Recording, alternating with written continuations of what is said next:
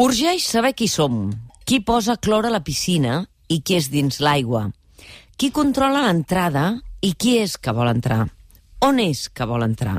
Ho hem de saber aviat o serà tard i irreversible. Ja no podrem fer res, ni canviar res, ni escriure res, ni exigir res, si un dia descobrim, ingenuament, que tota aquesta sang és de les nostres mans, d'on gota a gota cau. Mireia Calafell. Nosaltres qui? El racó de pensar. Un moment, no ens precipitem, primer pensem. Un moment, no ens precipitem, primer pensem. Jo penso... David Fernández, molt bon dia. Bon dia i bona hora. Benvingut al racó de pensar. Tot i que has fet una incursió en la tertúlia gestual molt interessant. Una incursió desmilitaritzant, anem a dir-ho així. Desmilitaritzant, exactament, seria aquesta la descripció. Escolta, ens queden moltes coses per pensar i avui tinc la sensació que tot és bastant coherent perquè venim d'entrevistar el ministre Trilla, Totalment.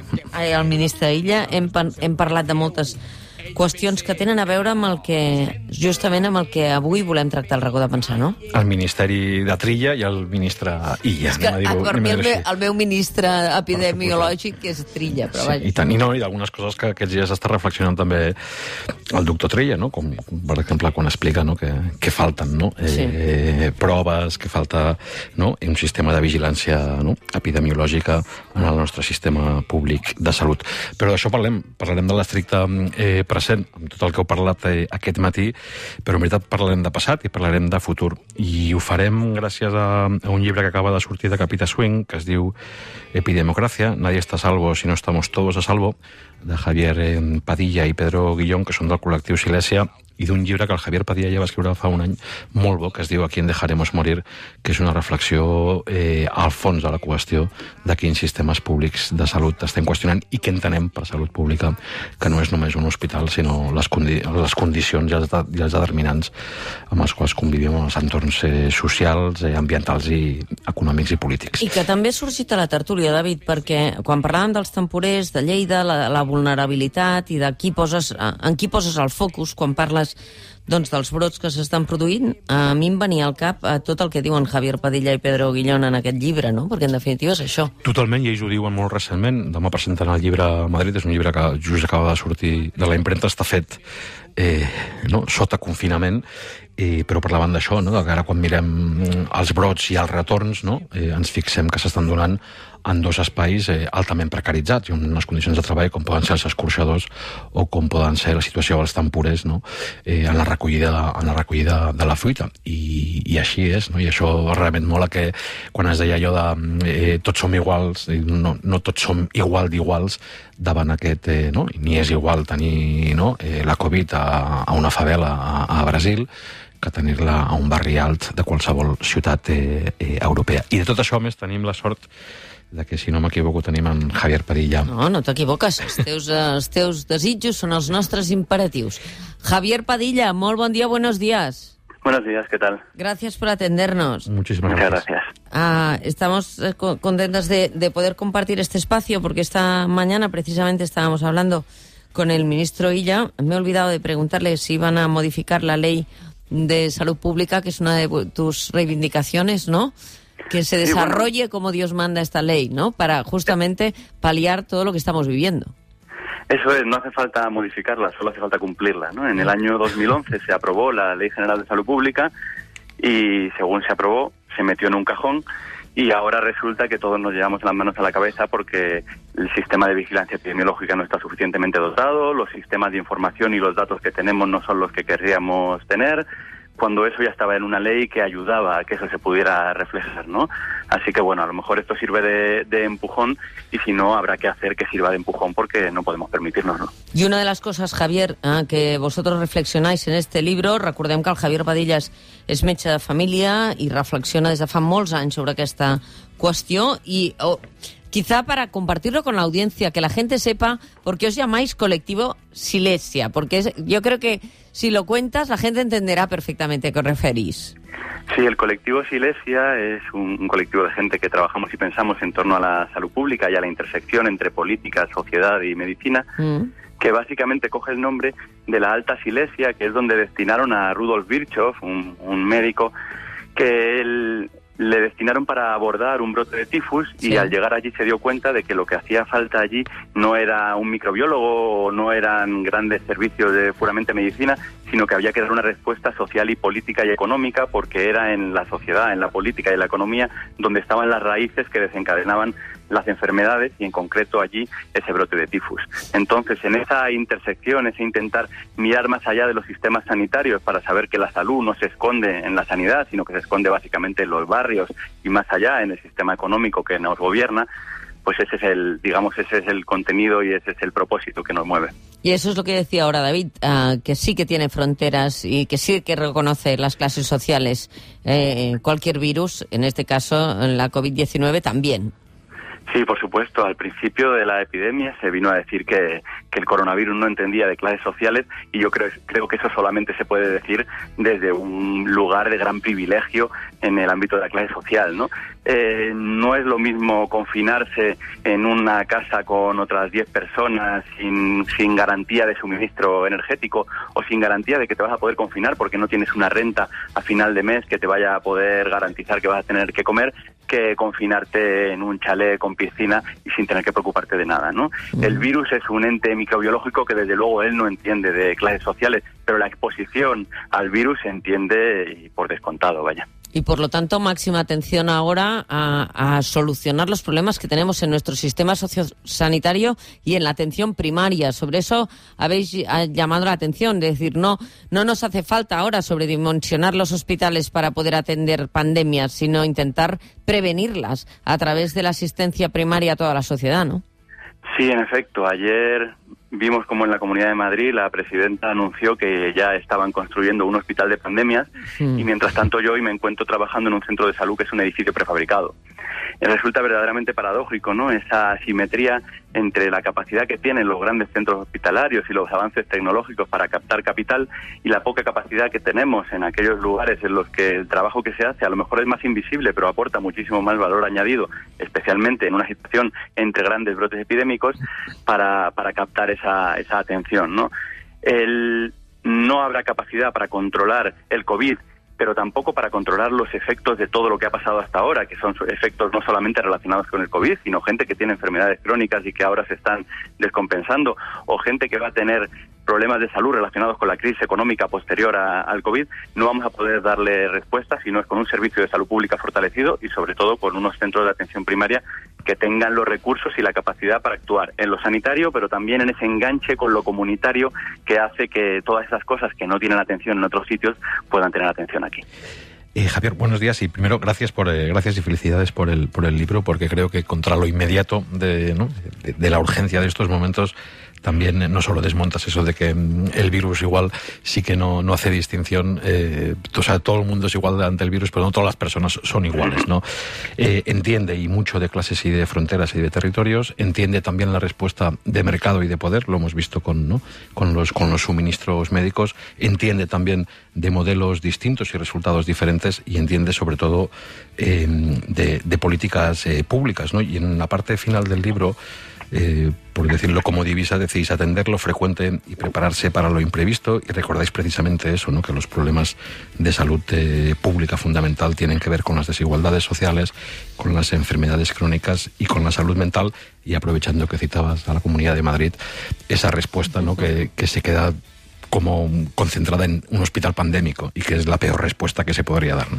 Sí, en efecto, no podemos, no podemos tener una situación, una sanidad de pandemia para tiempos no pandémicos. Estamos, digamos que parece que en muchas ocasiones la política sanitaria se ve gobernada por el titular mediático y no por la, no por esa especie de mirada larga que, que es donde realmente las vulnerabilidades y el sufrimiento de las personas se, se juega y, se, y, y tiene lugar. El, realmente creo que, que, nos encontramos ante una situación muy problemática si pensamos que la pandemia se ataca solamente dando respuesta a la pandemia. Eh, uno de los problemas de España, en términos generales, es que cuando llegó y empezó a haber una mortalidad muy elevada, en otros países decían, ¿cómo puede ser si España tiene unos indicadores de salud tremendamente buenos, tiene la mayor esperanza de vida del mundo, etcétera, etcétera? Pero es que tenemos cierta tendencia a quedarnos solamente con la parte buena de la foto. España es uno de los países más desiguales, el lugar más afectado de España, Madrid, es una de las regiones más desiguales de toda, de toda Europa y además miramos otra variable que nos dice mucho más de cómo es la salud de la población, que es la esperanza de vida saludable a partir de los 65 años, España es muy mediocre.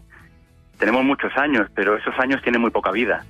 Y ahí es donde tenemos que actuar, porque en esa poca vida que tienen los años, además existe una desigualdad tremenda a nivel, a nivel social. Y otra de las cuestiones que nos retratáis en epidemiocracia y que entonces vas a los a los datos de hoy y las Naciones Unidas nos están diciendo que habrá 71 millones de personas en riesgo de caer en extrema pobreza a raíz de esta crisis de la COVID y a ellos les tenemos que sumar los que ya tenemos uh, en una economía informal muy precaria, muy vulnerable, que son 1.600 millones de personas. A toda esta vulnerabilidad la, la afecta uh, una crisis como esta, ¿no?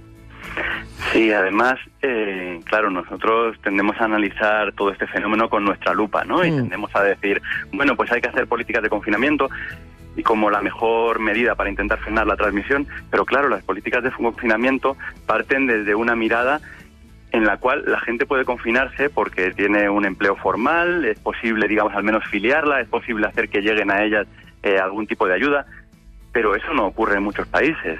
Eh, una situación de gran confinamiento en un país como México, donde donde un impacto fuerte de la COVID tendría un impacto sobre, sobre un montón de vidas tremendamente dañino, pues se va a ver muy reflejado y se va a ver muy repercutido por esa tasa de empleo informal que hace que si la gente se queda en casa no tiene ningún tipo de ningún tipo de recurso, ¿no? Eh, hay que tener la capacidad para confinarse, no basta solamente con tener el mandato para confinarse y ahí los poderes públicos son fundamentales. Hay una frase de un investigador en temas de política sanitaria del Reino Unido que dice que la recesión hace daño, pero es la austeridad lo que mata. ¿no? Entonces, digamos que esa austeridad, esa capacidad de los poderes públicos para intentar contrapesar los efectos económicos, los efectos sobre la salud que tiene la crisis económica, pues es donde nos encontramos ahora. Y a ese respecto, seguramente políticas como el ingreso mínimo vital, y más aún si fueran más ambiciosas, menos condicionales y más universales, tendrían un efecto sobre la salud pública mejor que cualquier hospital de pandemias. Eso lo reseñáis en el, en el libro, ¿no, Javier? Que la que dices la, política pública eh, de salud pública, valga la redundancia, más importante que vamos a ver estos cuatro años, aun con, con, sus limitaciones, es el ingreso mínimo vital y en el ámbito de la alternativa, igual que con el cambio climático, se ha hablado de Green New Deal, eh, al final del libro también hacéis una apuesta por un Public Health New Deal. ¿Qué sería? Sí, un Public Health New Deal, en cierto modo, intenta hacer ese enganche entre lo que denominamos la crisis matrioska, ¿no? Que es una crisis que está dentro de otra, que está dentro de otra. Es decir, esto es una crisis sanitaria que a su vez está embebida o relacionada por una crisis económica, que a su vez está contenida por una crisis ecológica, pues a eso podemos dar una respuesta con una mirada sanitaria, pero que se vea teñida de todo lo demás. Entonces, creemos que las políticas de salud se tienen que enarbolar desde la salud pública, desde las instituciones públicas, intentando actuar sobre los determinantes sociales de salud, que son los que verdaderamente determinan la salud de la población, es decir, educación, eh, eh, nivel geográfico donde se reside, políticas de vivienda, políticas de renta, políticas de igualdad, y hacer todo eso desde una perspectiva de que no podemos seguir insistiendo en el, en el extractivismo económico y en el extractivismo ecológico para seguir llevando a cabo nuestras políticas, sino que todo esto se da dentro de un marco de crisis ecológica que además va a hacer que los problemas como el actual, como la crisis de COVID, sean cada vez más frecuentes. Per tant, eh, mirar aquestes desigualtats de manera estructural y para això, por eso, Javier, siempre insistís que cuando nos miramos el sistema de salud pública tiene que ser permeable a todas las clases sociales, que no puede ser eh, que tengamos a las clases eh, pudientes, a las clases que más recursos tienen, fuera del sistema público. Claro, yo creo que uno de los valores fundamentales que nos devuelve la crisis del COVID es el de la universalidad. Uh -huh. esa frase que subtitula el libro, ¿no? De que nadie está a salvo si no estamos todos a salvo. Sí. Esa especie de interdependencia. Lo que ocurre es que habitualmente cuando pensamos en la universalidad la pensamos hacia abajo. Pensamos que la universalidad del sistema sanitario tiene que llegar a las personas más vulnerables, a las personas que no tienen capacidad para llegar al sistema de otra forma. Pero creo que es fundamental insistir en que la universalidad también es una cosa que tiene que mirar hacia arriba. Solo un sistema verdaderamente inclusivo con toda la población va a tener la, legitimidad social y política para seguir avanzando y cubrirnos a, todos, ¿no? Y además la universalidad hay que pensarla como un activo a todos los niveles del sistema. Los sistemas sanitarios que son sostenibles no son sostenibles a pesar de ser universales, sino que son sostenibles gracias a que son universales. Una, una última cuestión y ya te dejamos ir, Javier. ¿A, a, quién dejaremos morir? ¿Cu- ¿Qué significa exactamente cuando ponemos la salud por delante o la economía por delante? ¿no? Esta, este debate imposible de decir, mm, si tenemos la economía vamos a tener más, precari más precariedad y seguramente los más vulnerables van a ser los que sufran más, pero al mismo tiempo ah, tenemos que anteponer la salud por encima de todo porque no vamos a dejar morir a nadie, ¿no? Sí, la relación entre salud y economía la, la solemos contraponer, pero en realidad es una relación muy compleja, ¿no? Sí que es cierto que el modelo económico actual impone unos límites muy claros a las políticas de salud, porque el sistema en general es un sistema que genera desigualdad y como tal genera enfermedad, pero en el, en el contexto concreto de lo que viene a ser el confinamiento y si priorizar antes la salud o priorizar antes la economía, creo que tenemos que tener muy claro que lo primero es proteger a los más vulnerables y en este caso esas personas más vulnerables serán mayormente las personas mayores y las personas con enfermedades crónicas. Entonces, hemos tenido que pararnos todos, hemos tenido que parar la actividad económica para poder proteger a esa población. Ahora bien, cuando toca re- reactivar la economía, toca que las instituciones públicas intenten, digamos, devolver ese esfuerzo que ha hecho, sobre todo la población joven, para intentar, para parar la actividad económica y proteger a las personas mayores, devolvérselo en forma de, de estímulo de lo público, de políticas de vivienda, de políticas de igualdad, de políticas de renta, de políticas de empleo. ¿A quién vamos a dejar morir? Hacia adelante no podemos saberlo, pero sí sabemos a quién hemos dejado morir y desde luego si tenemos que marcar una cruz muy grande en el calendario de la pandemia como cosa que no repetir sería lo que ha ocurrido en los centros de residencias de Es personas terrible, mayores, ¿no? Javier, no saber. Le he vuelto a preguntar esta mañana al ministro, porque hemos podido entrevistar al ministro Illa, y le he vuelto a preguntar cuánta gente ha muerto en las residencias en España y no está esa cifra. Javier dice en el libro En Salud Pública, mm, nunca ves lo que no buscas. En efecto, eso es. El, las residencias de personas mayores eran un no lugar, exento de derechos, a los que nadie miraba, pero nadie miraba tampoco para recoger los datos de lo que sucedía. Entonces ahora es ilusorio pensar que vamos a poder tener una cifra veraz hasta que no pasen bastantes meses, ¿no? Entonces, bueno, si esto sirve, por un lado, para devolverlos a un lugar de derecho, pero por otro lado también, pues para repensar esto y ver si a lo mejor hay que caminar hacia, pues como lo que personas como Amaya Pérez Orozco solicitaban como un sistema nacional de cuidados, ¿no? O que, que digamos, intente que poner en el centro de- del debate a esas personas que, pues bueno, si bien la infancia ha sido considerada como una especie de preciudadanía también vulnerada de derechos, a las personas mayores se les ha considerado como una especie de postciudadanía no productiva que quedaban fuera del marco. Javier Padilla, muchas gracias. Un abrazo a Pedro Guillón. Que vaya bien la, presentaci- la presentación hoy en Madrid de Epidemiocracia. Nadie está a salvo si no estamos a salvo todos. Aquest llibre el trobareu a Capital Swing, que és qui ho publica. Javier, muchas gracias. Un abrazo. Muchas Una abraçada, Bon moltes dia. gràcies. Qui ens ajuda a pensar? Escolteu. Ha hagut d'arribar l'excepció de la crisi sanitària provocada pel virus per comprovar que quan la maquinària boja d'aquesta economia frena, la vida sembla regenerar-se, encara que sigui conjunturalment. Ha hagut d'arribar una catàstrofe perquè el govern prohibeixi tallar la llum i l'aigua o desnonar a qui no pot pagar. Ha estat una catàstrofe la que ha forçat l'aprovació d'un ingrés mínim vital i ha estat una desgràcia la que ha fet que els indicadors de pol·lució millorin en les ciutats. Fa ràbia, molta ràbia, que sigui un drama dolorós i no una política prèvia, cauta, responsable i compromesa amb el benestar la que aconsegueixi temporalment coses que se'ns han negat des de fa molt de temps. Fa ràbia el preu a pagar per la normalitat del desenvolupament. Iaio Herrero. Soy el hip hop alejando a esos críos y crías de la violencia y la heroína. Soy Picasso pintando el Guernica. Soy Galellano escribiendo patas arriba. Soy Mubia Bujamal y en brota la vida. Soy el movimiento sufragista. Soy los enemigos en África rapeando. Fight the power, las abuelas y abuelos luchando por las pensiones. Soy Lena Khaled, ojos de su muñeca en Siria. Soy el chaval que escucha a Tupac en el rabal y vino escondido en el autocar. Soy el Scratch de Grandmaster Flash. Soy Spike Lee diciendo fuck Trump, fuck Ku Klux Klan. Soy Chabela Vargas hablando de la libertad sexual. Soy Piran haciendo votar a tu ciudad. Diles quién soy, diles, diles quién soy. Iaio Herrero, que deia en aquest, eh, qui ens ajuda a pensar en aquest text eh, que ha hagut d'arribar a l'excepció de la crisi sanitària provocada pel virus per comprovar que quan la maquinària boja d'aquesta economia frena, la vida sembla regenerar-se, encara que sigui conjunturalment, i això amb una visió optimista. Eh? Amb una visió, a més, és el, no és una cita casual la de l'estimada Iaio, perquè és el pròleg de, del llibre de Javier eh, eh, Padilla, on aborda això, no, les causes de la degradació mm, ecosocial, i que dona peu a, a una anàlisi que va molt més enllà de la, mirada, de la mirada immediata, de que de mirar enrere i endavant i sobre què és, què és una pandèmia, no? I aleshores els dos autors eh, estableixen un cicle, no? I el cicle té quatre, quatre grans etapes, que és el substrat, en aquelles condicions on es desenvolupa, O sigui, com ens arriba on som, no? Com ens arriba- Això és una mica el que Exacte. estava par- parlant ara, el que estava explicant Javier. el contagi, eh, com es propaga, la resposta que, Que es dona... seria el cas que està passant a Lleida, perquè es Exactament. contagia en circumstàncies d'extrema vulnerabilitat. i, i la reconstrucció posterior.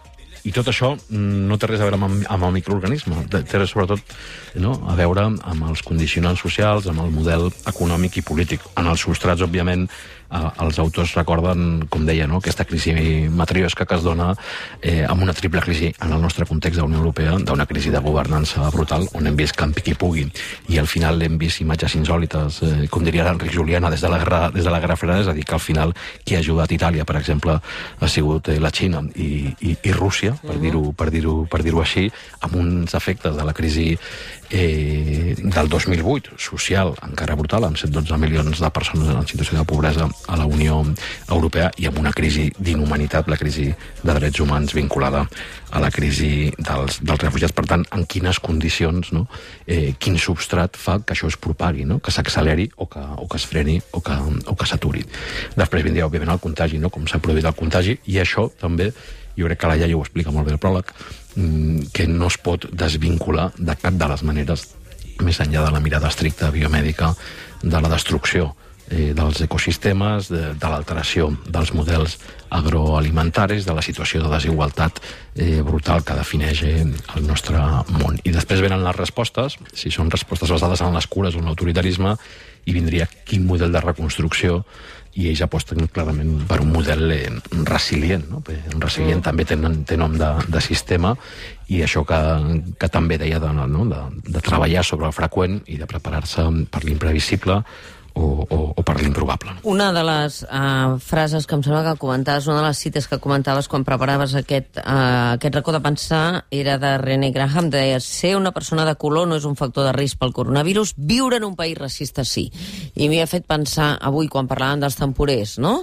Uh, quan l'Oriol Mitjà parlava del prototipus de Mohamed, que ja en si mateix ja era una cosa de dir d'on venen, en quines circumstàncies treballen, en quina precarietat treballen i, i el que realment fa que siguin vulnerables és el racisme que fa que molta gent no els, no els dona les condicions que els ha de donar, no? Per suposat, perquè no, els condicionants eh, socials de la salut, hi ha condicionants i determinants. Eh, les escletxes eh, venen eh, pel gènere, venen per la classe social i venen, i venen per la raça. Que encara que només sigui un cas, eh? És, és a dir, no és que sigui un comportament majoritari, encara que només sigui un cas, el contagi es pot produir el contagi exponencialment es pot multiplicar, no? Per suposat, i a més aquí també entra, entra directament en les polítiques públiques. El llibre també manifesten la seva decepció, anem a dir-ho així, perquè aquesta crisi no hagi eh, suposat una reforma estructural de la universalitat en l'accés a la salut eh, pública, després d'aquelles reformes, recordeu, del PP, que volien excloure eh, a les persones migrants en situació no, administrativa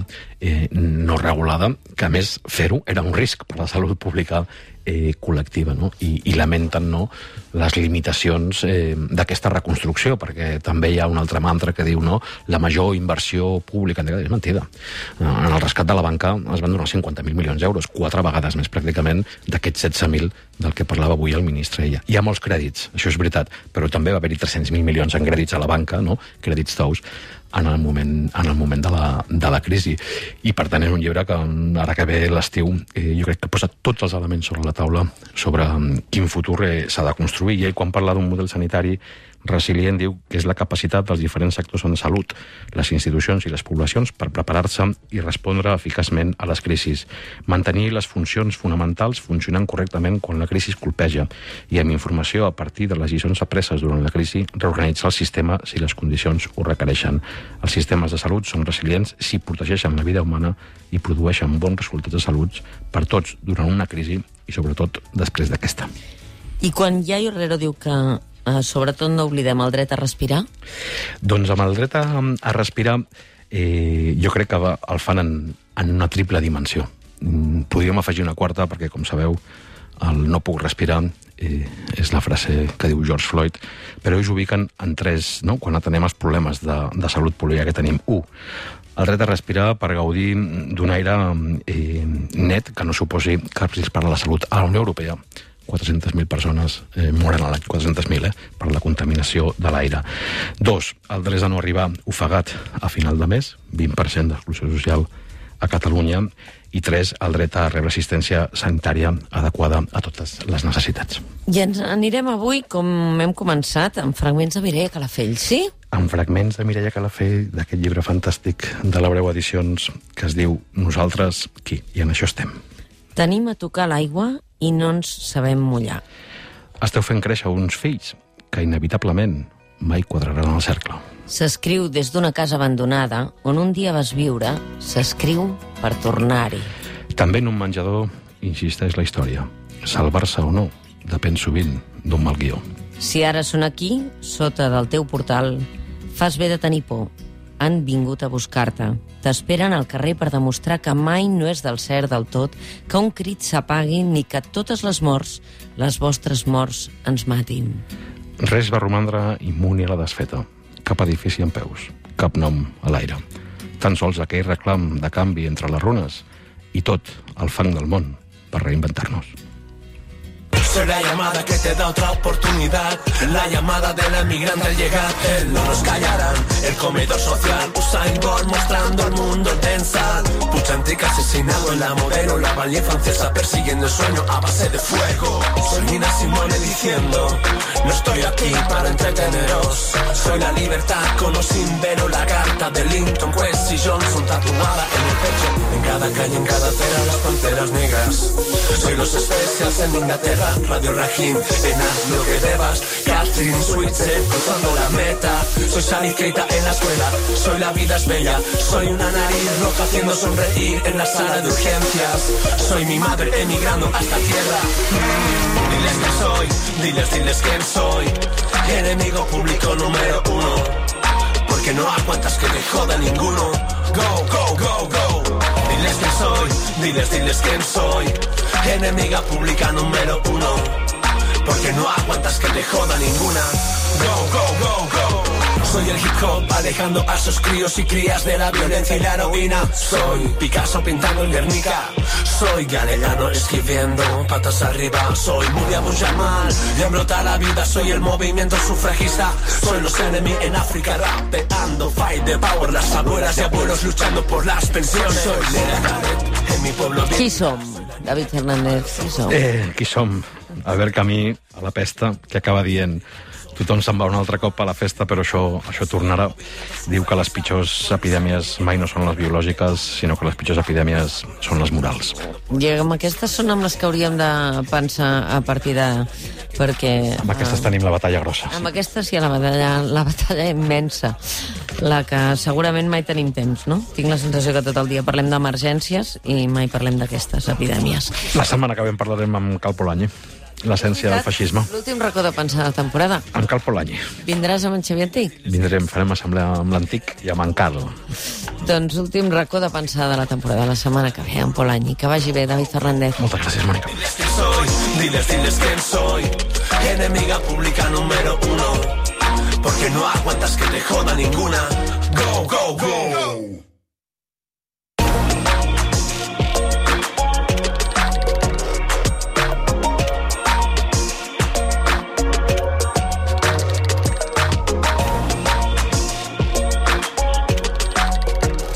El matí de Catalunya Ràdio, amb Mònica Terribas.